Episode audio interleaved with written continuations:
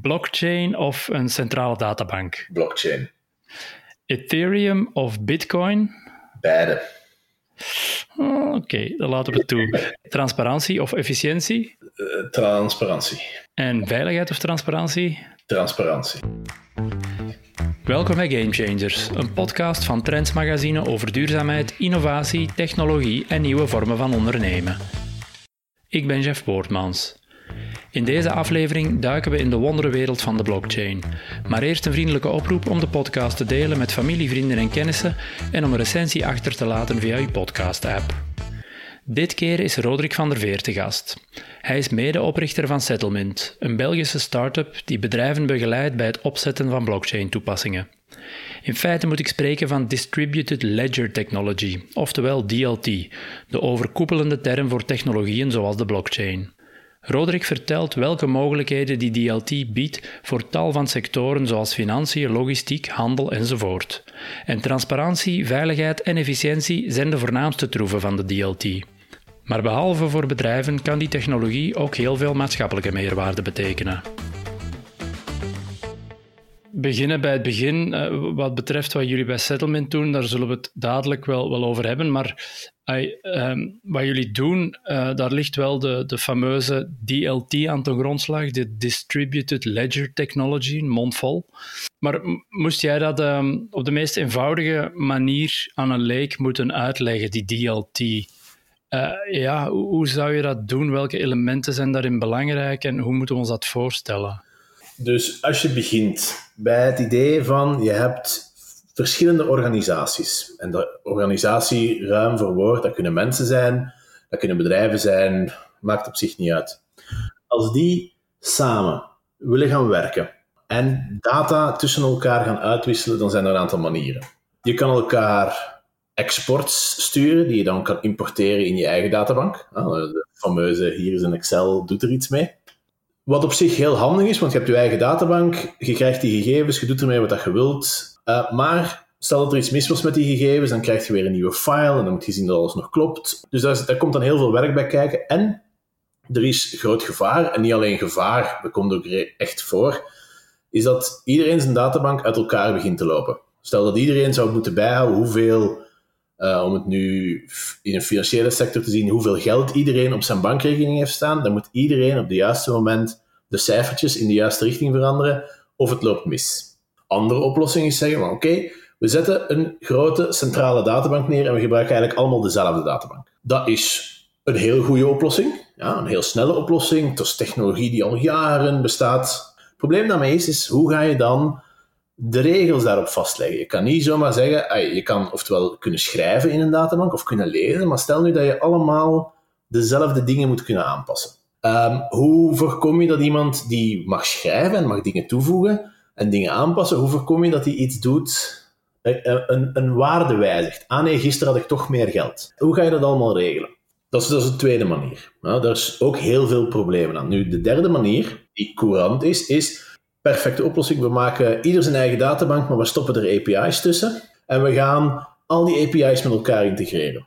Dat zijn, eh, even voor de duidelijkheid, die API's, dat zijn een soort digitale kanalen waardoor dat die databanken met elkaar gesynchroniseerd worden. Moet ik me dat zo voorstellen? Of? Eigenlijk manieren waarmee dat je uh, tussen twee computerprogramma's met elkaar kunt praten. Dus dan kan je zeggen van oké, we, maken we beschrijven een programma dat als ik iets in mijn databank aanpast, dan stuurt hij een bericht over die API's naar uw databank en jij past dan uw databank aan. Ja, nu, dat is een één-op-één verbinding tussen twee systemen. Maar stel nu dat je dat met 20 mensen moet doen. Elke partij moet dan met 20 API's integreren. Algemene wijsheid, met meer dan 4, 5 is het sop de kolen niet meer waard. Ja, want dat is, dat is niet makkelijk, dat is heel moeilijk. Je hebt heel veel tijd in, kan gigantisch veel mee mislopen. 4, 5 partijen, daarna is het, wordt het te duur. En dat is eigenlijk waar dat dan distributed ledger technologies uh, en, en, blockchains, uh, om, om een specifiek voorbeeld ervan te pakken, aan de pas komen, is eigenlijk een vierde oplossing die dat al die problemen oplost. Het laat u toe om iedereen zijn eigen databank te laten hebben. Dat wil zeggen dat niemand kan aan uw databank, die kan daar niet inschrijven, die kan daar niet verwijderen, die kan daar niet mee vals spelen. Dus iedereen heeft volledig eigendom over zijn eigen data. Tegelijkertijd zit er tussen iedereen zijn losse databank, zit er een, ze noemen dat dan in moeilijke woorden, een consensusalgoritme. Dat is eigenlijk gewoon de regels van hoe dat we gaan bepalen of dat we iets toevoegen aan onze databank of niet.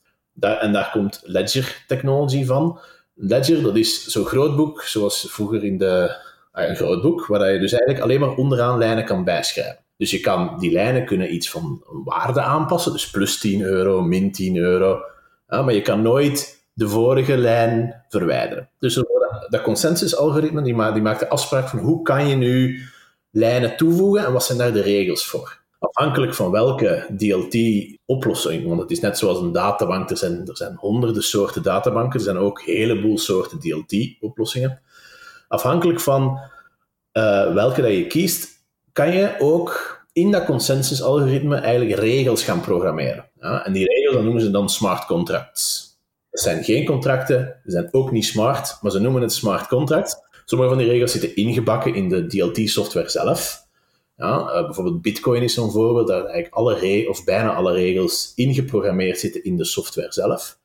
Bij andere technologieën, zoals Ethereum, is het hele idee van dat de meeste regels er bovenop worden geprogrammeerd uh, in die smart contracts. En doordat je dus, en al die databanken zelf, die praten over een peer-to-peer netwerk. Dus dat wil zeggen, dat is een netwerk dat gemaakt is, dat zijn niet één-op-één connecties, maar dat is een netwerk dat gemaakt is waar dat iedereen eigenlijk zijn wijzigingen die dat hij voorstelt om te doen, de transacties, zoals ze dat ook noemen, die gooi je die eigenlijk in, in een groot netwerk en iedereen ontvangt die en iedereen zal volgens, de, volgens hen geldende regels kijken of dat, dat erin mag of niet in de databank. Waardoor dat, omdat iedereen alleen maar met elkaar kan interageren als iedereen up-to-date is, en hetzelfde verhaal heeft, hetzelfde, staat heeft van zijn databank, kan je dus alleen maar verder gaan met elkaar als iedereen alle regels gevolgd heeft. Voor het geval dat je je dat fysiek zou moeten voorstellen, ja, distributed ledger, dat is gedistribueerde grootboeken, om het zo maar te zeggen.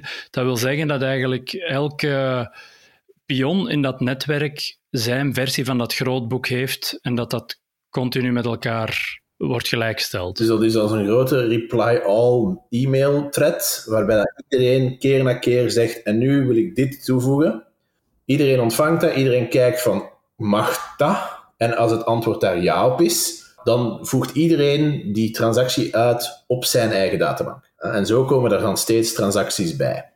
Ja, kun je dat aan, aan, een, aan de hand van een concreet voorbeeld uh, illustreren? Wat die DLT zou kunnen betekenen? En echt, ja, dat mag heel bazaal zijn, maar dat, dat we ons een beetje kunnen voorstellen.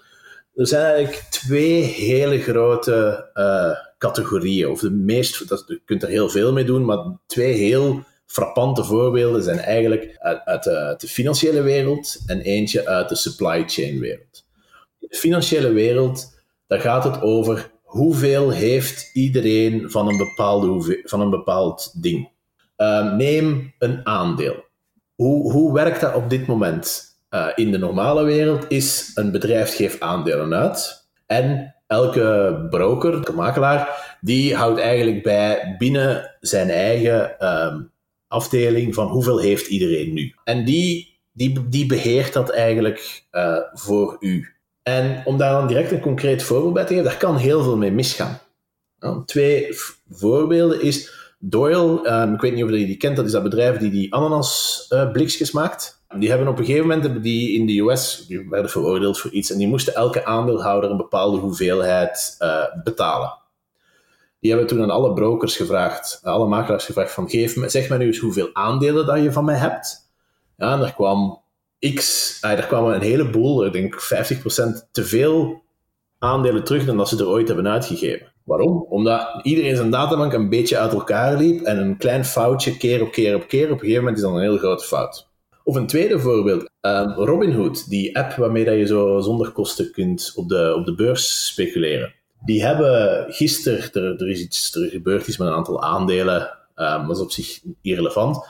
Die hebben gezegd oké, vanaf nu kan je deze aandelen bij ons niet meer kopen, maar alleen verkopen. Die leggen dus eigenlijk hun eigen regels op aan wat iemand kan doen met de dingen die hij of zij zelf gekocht heeft.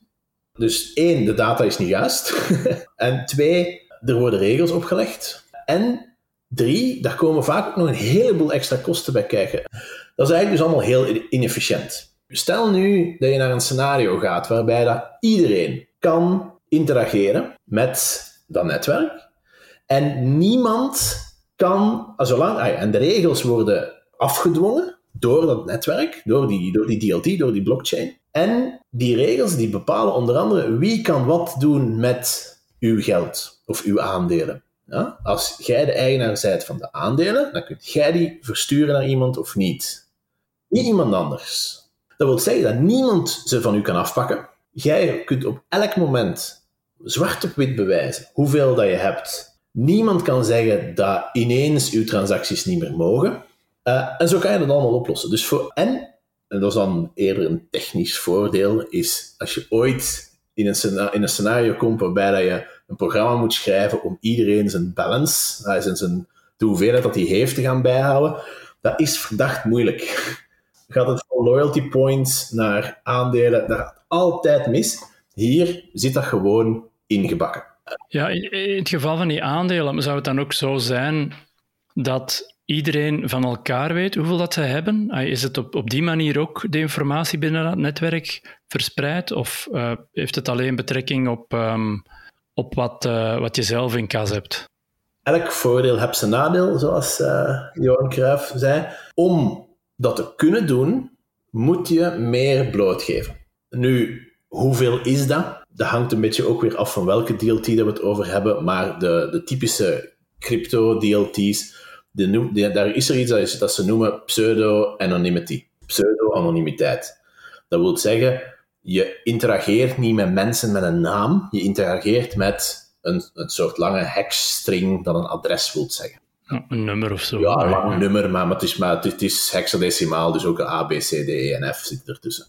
En dat nummer op zich zegt dan niks. Ik toon er met drie op een scherm, ik kan de eerste niet herhalen, en als je er veel op elkaar ziet, kun je ze ook van elkaar niet onderscheiden. Maar je weet, je kan wel perfect zien, dat adres heeft zoveel, en die heeft dit en dit en dit en dit allemaal gedaan in het verleden. waarom noemen ze dat pseudo-anonimiteit? Dat is omdat op met genoeg data kan je waarschijnlijk wel achterhalen wie iemand is. Dus dat is pseudo-anonimiteit. Dat is zo goed als anoniem, maar wat heeft ook een andere zijde natuurlijk? Pseudonymiteit, dat is voor 99 dingen goed genoeg, maar niet goed genoeg als je echt helemaal anoniem wil zijn. Denk aan de criminelen. Dus als iemand zegt, ik gebruik blockchain voor criminele activiteiten, dat slaat eigenlijk nergens op, want het, je kunt beter cash gebruiken. Dat is wel, dat heeft, alles heeft zijn voor- en zijn nadeel. Dat is zo'n typische ja, finance use case, waar je dan zegt van, oké, dit is dit is, hier is het perfect voor. En dat zie je ook met de opgang van een heleboel. Uh, ze zijn het hele financiële systeem eigenlijk aan het nabouwen op cryptocurrency, uh, op, op van die DLT's. Um, ga je eerder kijken naar, naar, naar supply chain, ja, dan, dan zitten er een heleboel andere voordelen aan. Het gebruikt exact dezelfde technologie, maar een van de zaken dat je hebt met zo'n transactie is dat er een timestamp in zit. Op een gegeven moment beslist iedereen en nu voegen we deze lijn toe aan de databank. En kan die daarna niet meer worden aangepast. Nu, in een supply is dat interessant, want als je elke stap dat er gebeurt kunt registreren op een manier dat je kunt garanderen dat als het erin zit, dat het er nooit nog uitkomt.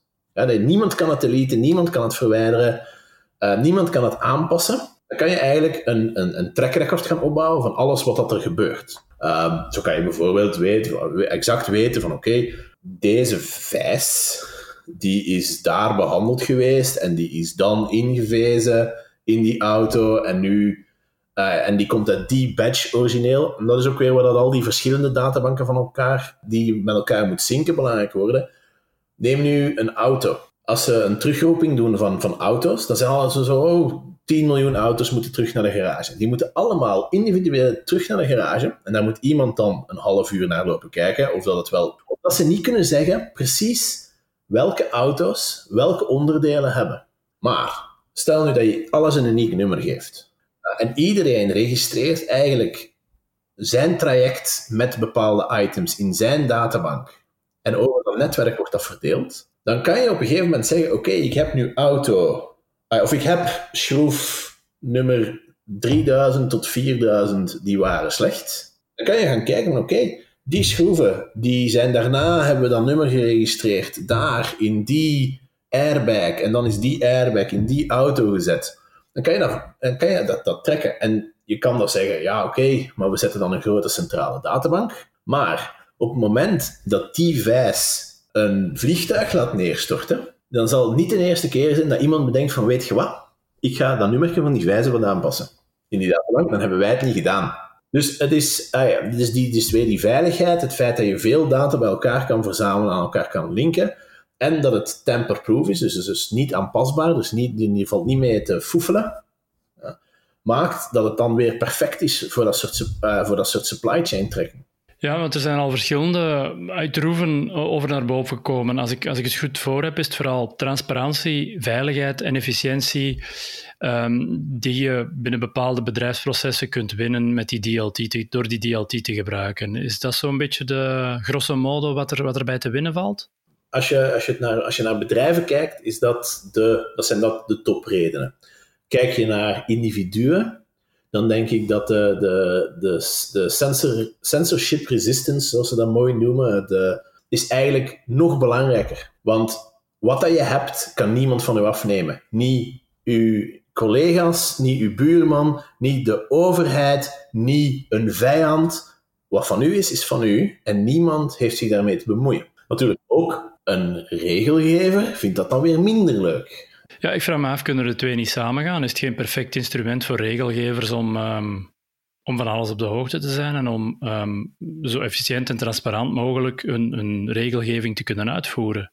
Zeker ook de transparantie. Iedereen kan precies zien wat er, wat er gebeurt. Het is nooit zo'n gemakkelijke belastingaangifte geweest als alles op DLT zou lopen. Maar ja, het, het, zijn, zijn de edge cases. Hè? Waarom, waarom betalen wij nog steeds met cashgeld? Dat is de enige anonieme manier om waarde uit te wisselen. Er is geen enkele goede reden dat cash nog bestaat. We hebben allemaal bankkaarten en de overheid kan het niet controleren of dat je iets in het zwart doet of niet. Dus principieel is dat een super slecht idee als je alles transparant en open en, en exact juist wilt hebben. Maar toch hebben we allemaal cashgeld, want wij willen eigenlijk niet dat iedereen alles weet. Want dan kunnen we dingen doen die niet mogen. Zeg, en hoe staan bedrijven tegenover die technologie? Want uh, dat is meer jullie winkel. Um, maar wat is het potentieel ervan? Heb, heb jij het gevoel? En ja, jullie komen er heel veel over in contact met bedrijven. Ja, hoe wordt het daarop gevat in het bedrijfsleven? Er is heel veel potentieel. En je ziet steeds meer en meer, en we zijn nu, wat is het, 4,5 jaar bezig, of bijna 5 jaar bezig met settlement het is al enorm gegroeid sinds dat wij begonnen zijn. Uh, maar voor het bedrijf is het wel weer het zoveelste nieuwe ding eh, dat er is. de meeste bedrijven zijn nog krampachtig aan het proberen om digital transformation uit te voeren, wat dat eigenlijk het ontstaan van het internet, oh, ondertussen 30 jaar geleden bijna, is. En die zijn nog steeds niet mee op de kar. En als je ook kijkt naar bijvoorbeeld een, een, een website of een webapplicatie maken, uh, of een app maken, bekijk dat 20 jaar geleden of 10 jaar geleden en bekijk dan nu hoeveel werk en effort dat dat inkruipt om dat te doen op niveau dat een professioneel niveau is. Dat, dat, dat, is, dat, is, dat is zot. Ja, de meeste bedrijven die, die komen daar zelfs niet aan toe. Er zijn niet genoeg IT'ers die, die dat soort werk kunnen doen. Ah, ah, DLT is natuurlijk niet het enige. Neemt daar dan ook nog AI en al die andere hippe dingen bij. Dan, dan zit je eigenlijk op het punt van ja, hoeveel kan je nog doen als bedrijf. En, en dat is eigenlijk, en, want dat is weer een hele nieuwe skillset. Het is een hele nieuwe set van, uh, van, van technologieën, die weer allemaal zijn eigen specialiteiten heeft. Dus eigenlijk moet je, als je zegt van oké, we gaan ermee werken, moet je investeren in daar capaciteit voor op te bouwen, dat je dat kan op een degelijke manier. En, en dat is waar een beetje het schoentje wringt. Er zijn al geen IT'ers. Dus hoe, hoe kan je nog als bedrijf mee op die, um, op die golf springen. Want het is een golf. Hè. Dat, het stijgt, het groeit. Het internet was in het begin ook een, een, een niche-product. En nu lopen allemaal rond met een supercomputer in onze zak om er tegen te praten. En dan, dat is een golf en op een gegeven moment is die, is die wijd verspreid. En dat is eigenlijk waar, dat, waar dat wij dan bij komen kijken, is van hoe... ons, ons doel met settlement zijnde is... On, on, ons product is gemaakt om bedrijven met de mensen en de technologieën en de partners die dat ze al hebben, zo makkelijk mogelijk de capaciteiten van blockchain te laten toevoegen, of van DLT te laten toevoegen aan hun skillset. Hoe maak je blockchain development of, of, of, DLT development, hoe maak je dat makkelijk? Makkelijk, zodat niet iedereen eerst een jaar lang op training moet. Dat de dingen die gebeuren logisch zijn zoals we gewoon zijn, dat dingen werken, zodat je niet heel je, heel heel je team moet gaan omscholen. Hoe dat je ermee kan omgaan als er iets misloopt. Die, die skillset, die proberen we eigenlijk te brengen door uh, wat ze dan ook weer met een, met een hippe marketingterm uh, low-code oplossingen. Ja, en welke toepassingen hebben jullie zoal uh, mee helpen verwezenlijken met, met, die begeleiding die jullie, die, en in welke sectoren moeten we ons dat voorstellen? Je hebt bijvoorbeeld, we zijn redelijk betrokken bij een aantal financiële producten. De financiële sector aandelen, um, loyalty points, dus, dus, dus, van die puntenprogramma's, die zijn heel actief. Ja, en daar zijn we heel erg bij betrokken. En supply chain. Ja, dus die, die twee grote groepen die ik al aanhaalde. Supply chain is ook een heel grote variant, waar dat we, um, er is recent, zijn er een hoop x miljoen flesjes leffen geleverd in, uh, ik denk in Frankrijk waarbij dat eh, de, de barley, dus eh, de, het graan dat gebruikt wordt, van het begin tot het einde getrekt is geweest op um, de blockchain. Vanaf dat het van het veld komt tot in welk flesje het terecht is gekomen dan? Ja, is dat het? Ja, flesje, dat, dat, maar dat is dus inderdaad van het veld naar de mouterij, naar de, uh, het, het, transport en dan alle stappen die dat dan in Leuven in de brouwerij bijvoorbeeld gebeuren. En dan wordt dat geleverd, een QR-code, kun je dat dan scannen en dan kun je op je telefoon zien alles wat er gebeurd is en we doen hetzelfde voor een aantal retailers met, met vleesproducten. Als we even uitzoomen um, en, en het bredere plaatje, en niet alleen bedrijfsleven erbij betrekken, maar, maar naar de, de bredere samenleving kijken, zijn er daar toepassingen uh, voor DLT die relevant zijn, denk jij? En, en, en, kan het een maatschappelijke meerwaarde zijn in bepaalde opzichten? Het is, het, er is zeker meerwaarde te halen in het, in het algemeen goed.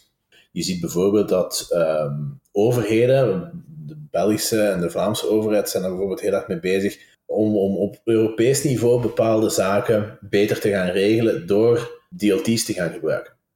Zo is er een use case uh, waar België bij betrokken is, waar dat ze um, diploma's gaan trekken. Als je ooit verhuist tussen twee Europese landen, ja, moet je altijd diploma's beginnen voorleggen aan nieuwe werkgevers. En dat is eigenlijk enorm moeilijk om die altijd te krijgen. Die moeten geverifieerd worden, dan moet er op en neer gebeld worden.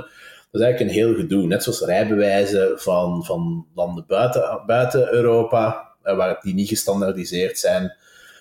Um, dus op dat soort, dat soort zaken waar je zeker van moet zijn. Dat als iets er staat, ah, als, je, als, als er iets is dat het waar is, daar, daar is wel heel veel uh, winst mee te halen, gewoon op, op operationeel vlak. Dus voor ons is dat, is ver van ons bed. Maar je ziet dat wel heel hard bij vluchtelingen die, die, die binnenkomen. Die hebben hun papieren niet meer. Daar, er werd geschoten, ze gaan dan niet eerst het gemeentehuis voor hun bewijs te gaan halen. Dus die, die komen binnen en die hebben niks. Die kunnen dat niet bewijzen. Dat is, en, en, en die moeten vanaf nul beginnen. Dat zijn van die verhalen waarbij dat je hoogopgeleide uh, professoren van de universiteit ineens aan de kassa moeten gaan staan ergens omdat ze niet kunnen bewijzen dat ze een diploma hebben. Dus als je dat oplossen met dit soort technologieën, dan je, je eigen waarde, je identiteit, wie dat je bent, is veel beter beschermd. En ik denk dat daar heel veel in te winnen is um, voor gewoon het algemeen goed van mensen.